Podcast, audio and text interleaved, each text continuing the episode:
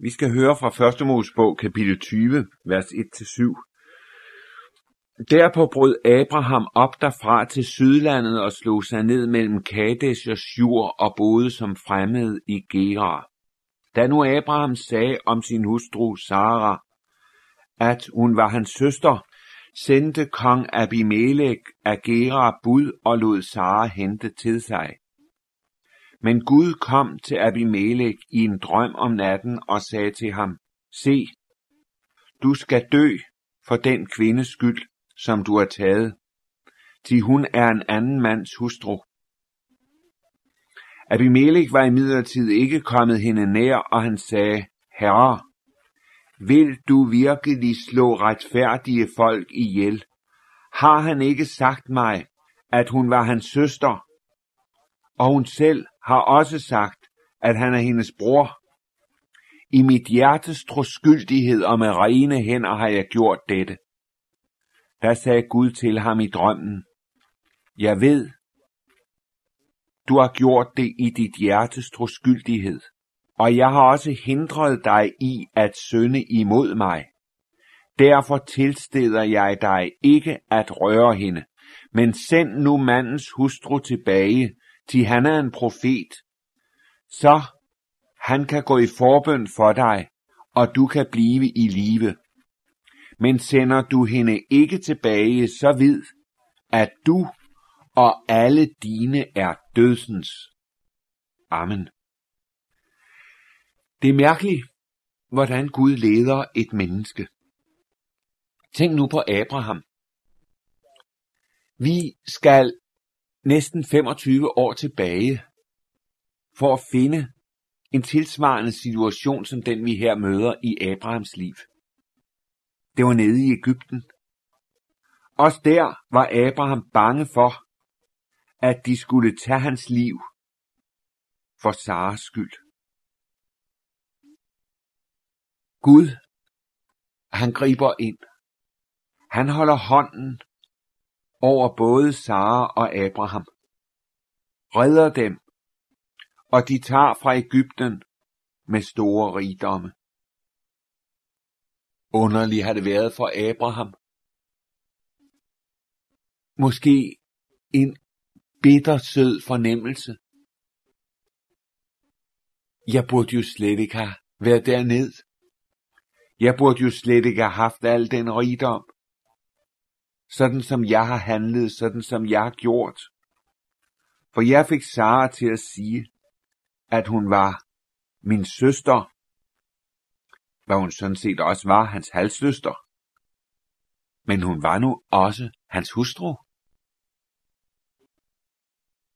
Det fik han hende overtalt til. Og på den måde, der reddede han til syneladende sig selv. Men det går jo ikke i længden. Før eller senere, så opdagedes det. Det gjorde det også ved Faros hof, og det gør det også i den beretning, vi møder her. Gud, han prøver et menneske. Var det en svaghed for Abraham, at han var bange for sit eget liv. Vi møder ham som en tros kæmpe, som en held i Guds rige. Men fejlfri, det er han ikke. Også i hans liv er der skygger, ja, sønder, som følger ham. Trangen til ved løgn og vige i farens stund. Den er nær for Abraham. Efter mere end 20 år, så vil Gud prøve ham igen. Hvordan er det nu gået for dig, Abraham? Har livet med mig sat spor i dit liv? Sådan er det også med dig. Sådan er det også med mig. Der kan være noget, der ligger mange, måske flere årtier tilbage. så kommer der en ny situation, som alligevel er den gamle, hvor Gud vil prøve os. Om det der må vise sig, at vi er blevet bedre til at hente kraft ved nåden. Om det må vise sig, at vi på en anden måde kan løfte troens skjold, hvorved vi kan slukke alle den ondes slående pile. Abraham, han bestod ikke prøven anden gang. Alligevel så stod Gud ved sit nådes ord. Og det skal du lægge mærke til. Abrahams fald kunne ikke ophæve det, som Gud havde lovet, det, som Gud havde sagt. Sådan er det også for os. Der er noget Gud har lovet og sagt. Der er en pagt, som ligger fast i Guds hjerte. Den viger han ikke fra. Din og min synd kan ikke ophæve Guds trofasthed.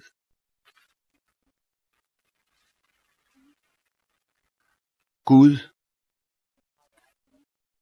han har det også sådan, at han siger ikke til Abraham, du er udulig, du er umulig, nu forkaster jeg dig. Tværtimod, han giver Abraham den opgave at gå i forbøn for Abimelech og hans folk. Midt i det ydmygende har der sikkert været en glæde i Abrahams hjerte. Gud har ydmyget dig, han har bøjet dig, han har vist, hvor usel du er, men han kan fortsat bruge dig. Nu skal du gå i forbøn. Du er stadig en profet, Abraham. Og hvad der er det allerstørste, løftet om sønnen. Det står ved magt. Kapitel 21, vers 1 følgende. Herren så til Sara, som han havde lovet, og Herren gjorde ved Sara, som han havde sagt. Og hun undfangede og fødte Abraham en søn i hans alderdom, til den tid Gud havde sagt ham. Abraham kaldte den søn, han fik med Sara, Isak, og Abraham omskar sin søn Isak, da han var otte dage gammel, således som Gud havde pålagt ham.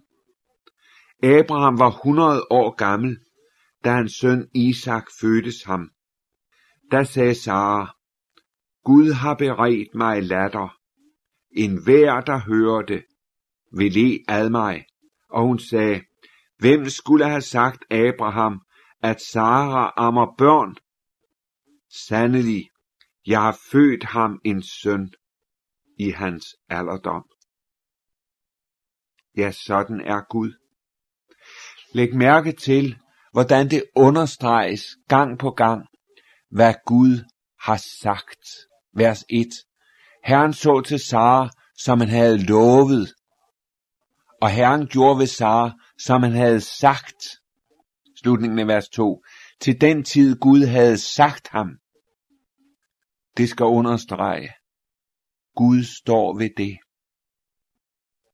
han har sagt i sit ord. Det kan du regne med. Det kan du bygge på. Det står fast i himlen.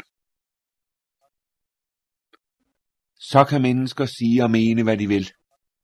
Når Gud har talt, så er der talt.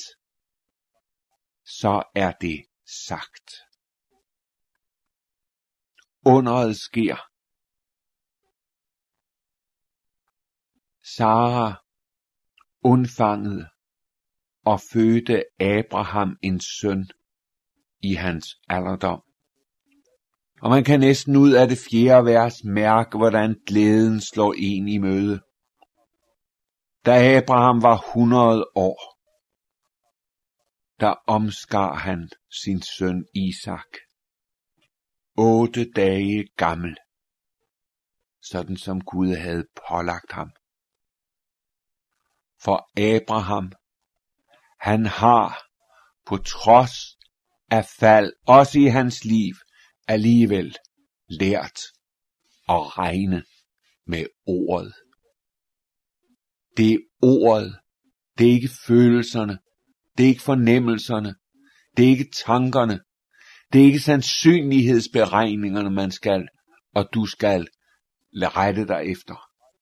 Nej, hold dig til det, som Gud har sagt.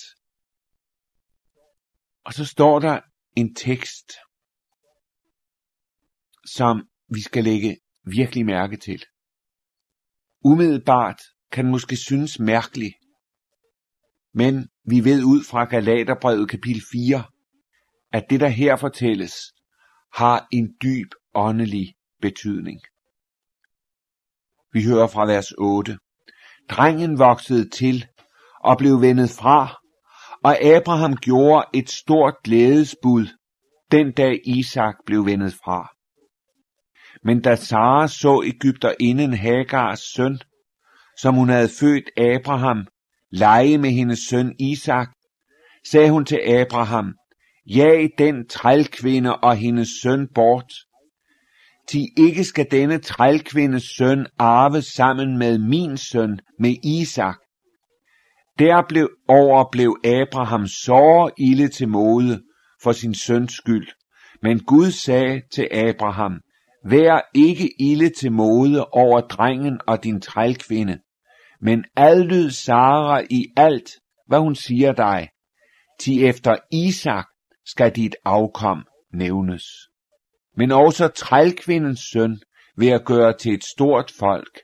Han er jo dit afkom. Her husker vi, at Ismael, han er undfanget på naturlig vis. Forstået på den måde. Hans mor, Hagar, hun var endnu ikke ud over den fødedygtige alder. Abraham fik hende i kraft af naturen. Det var anderledes med Saras dreng, Isak. Ham fik Abraham, fordi Gud gjorde et under. Der er to linjer i skriften. Den ene linje det er lovens linje. Det er naturens linje. Det er der, hvor det kommer an på dine og mine kræfter, dine og mine evner, din og min styrke. Så er der en anden linje. Det er nådelinjen. Det er der, hvor det kommer an på Guds løfte, på forjættelsen, på alt det Gud har lovet sagt, på alt det Gud vil. Det der, hvor det, der står fast i Guds hjerte, er det eneste, der gælder. Og Gud opfylder sit ord på en forunderlig og herlig vis. Så er det, Paulus gør det klart for os i Galaterbrevet kapitel 4, at der må vælges mellem loven og nåden. Det er ikke sådan, at hvis du lever så godt som du nu kan, så er Gud også barmhjertig og nådig imod dig, og det der mangler, det tilgiver han nok. Nej. Hvis du skal frelses på grundlag af det, som du er og har gjort, og det der bor i dig, og i dit urene hjerte. Så er det dig selv og alt dit eget, der gælder alene. Det er den ene linje. Der er en anden linje, nådelinjen. Det Det er der, hvor intet af dit dur. Og hvor du må sige til Gud, jeg står bare, har bare synd og skyld og skam. Men der er en anden, som er gået i mit sted. Jeg har en frelser, som har betalt for alle mine sønder, og som har gjort min sag god hos dig. Det er Jesus. Ham og ham alene holder jeg mig til, bygger på i liv og i død. Gud vil gennem denne beretning vise os, at Ismael, som står som udtryk for alt det, vi kan, og Isak, som er løftesøn, de to kan ikke bo under samme tag. Heller ikke under dit hjertes tag. Der skal vælges imellem dem. Om du dog må have valgt løftesønnen.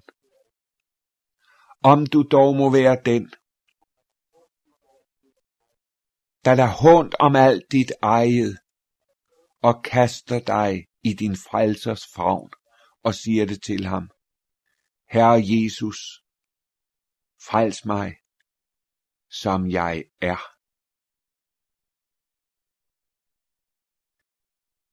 Så skal vi også have med, at Gud sørger både for Hagar og for Ismael. Der står, vers 14, tidlig næste morgen tog der Abraham brød og en sæk vand og gav Hagar det, og drengen satte han på hendes skulder, hvorpå han sendte hende bort. Som hun nu vandrede afsted, for hun vild i Beersjabas ørken, og vandet slap op i hendes sæk.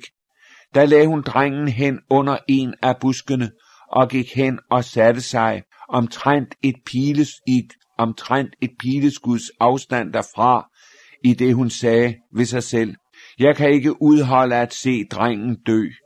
Og således sad hun, mens drengen græd højt.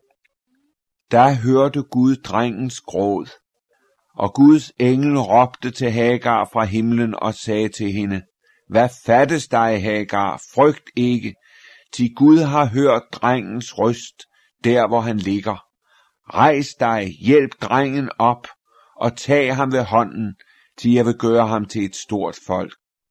Der åbnede Gud hendes øjne, så hun fik øje på en brønd med vand, og hun gik hen og fyldte sækken med vand og gav drengen at drikke. Og Gud var med drengen, og han voksede til, og han bosatte sig i ørkenen og blev bueskytte. Han boede i Parans ørken, og hans mor tog ham en hustru fra Ægypten. Man kan næsten se det for sig. Denne fortvivlede kvinde, som vandrer fra sted til sted, og alligevel så far hun vild i Beershebas ørken. Et frygteligt sted at være. For der i denne ørken, der slipper vandet op. Og nu er hun i nød, sammen med sin dreng. Han ligger under nogle buske, og hun sidder i et pileskuds afstand derfra, for hun kan ikke holde ud og se drengen dø, og han græder. Gud hører hans røst. Sådan kan du komme ud i situationer i livet, hvor du synes, at nu er du faret vild. Nu er der ingen vej tilbage, og dine egne ressourcer, de er opbrugt. Dit livs ledersæk er tømt for den sidste vanddråbe. Men der hører himlens Gud. Der griber han ind. Og der åbner han hendes øjne for noget hun ikke har set. Nemlig en brønd med vand. Vers 19. Sådan er det også i dit liv. Når der kun er tørke og ørken og vildfarelse tilbage for dig. Og du sidder og har opgivet enhver tanke om at redde livet, om at blive frelst, så åbner Gud dine øjne for livets kildevæld. Og det springer ud fra Jesus. Han er det levende vand. Han kommer dig i møde med sin frelse, med sit liv med sin velsignelse. Har du set det? Er du blevet så stille, så du nu kan høre det? Høre det fra himlens Gud. Dine sønder er dig forladt. Min nåde er dig nok. Du behøver intet mere. Du har alt. Du har overflod. Du hører Herren til. Lad os bede.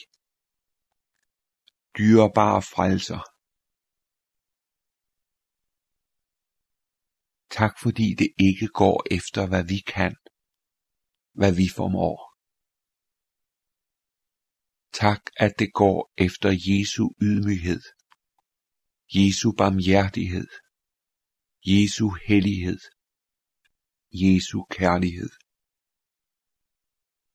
Jesu offer på Golgata. Og tak, at du ser os i vores elendighed. Og vi får lov at komme til dig selvom vi har et sønderbrudt hjerte og en sønderknust ånd. Jesus, du vil bo hos den umulige og frelse den, der må række sine tomme hænder imod dig og få alt for intet. Herre, åbn vores øjne, så vi ser. Ser lammet, som blev givet hen for vores synders skyld på Golgata. Amen.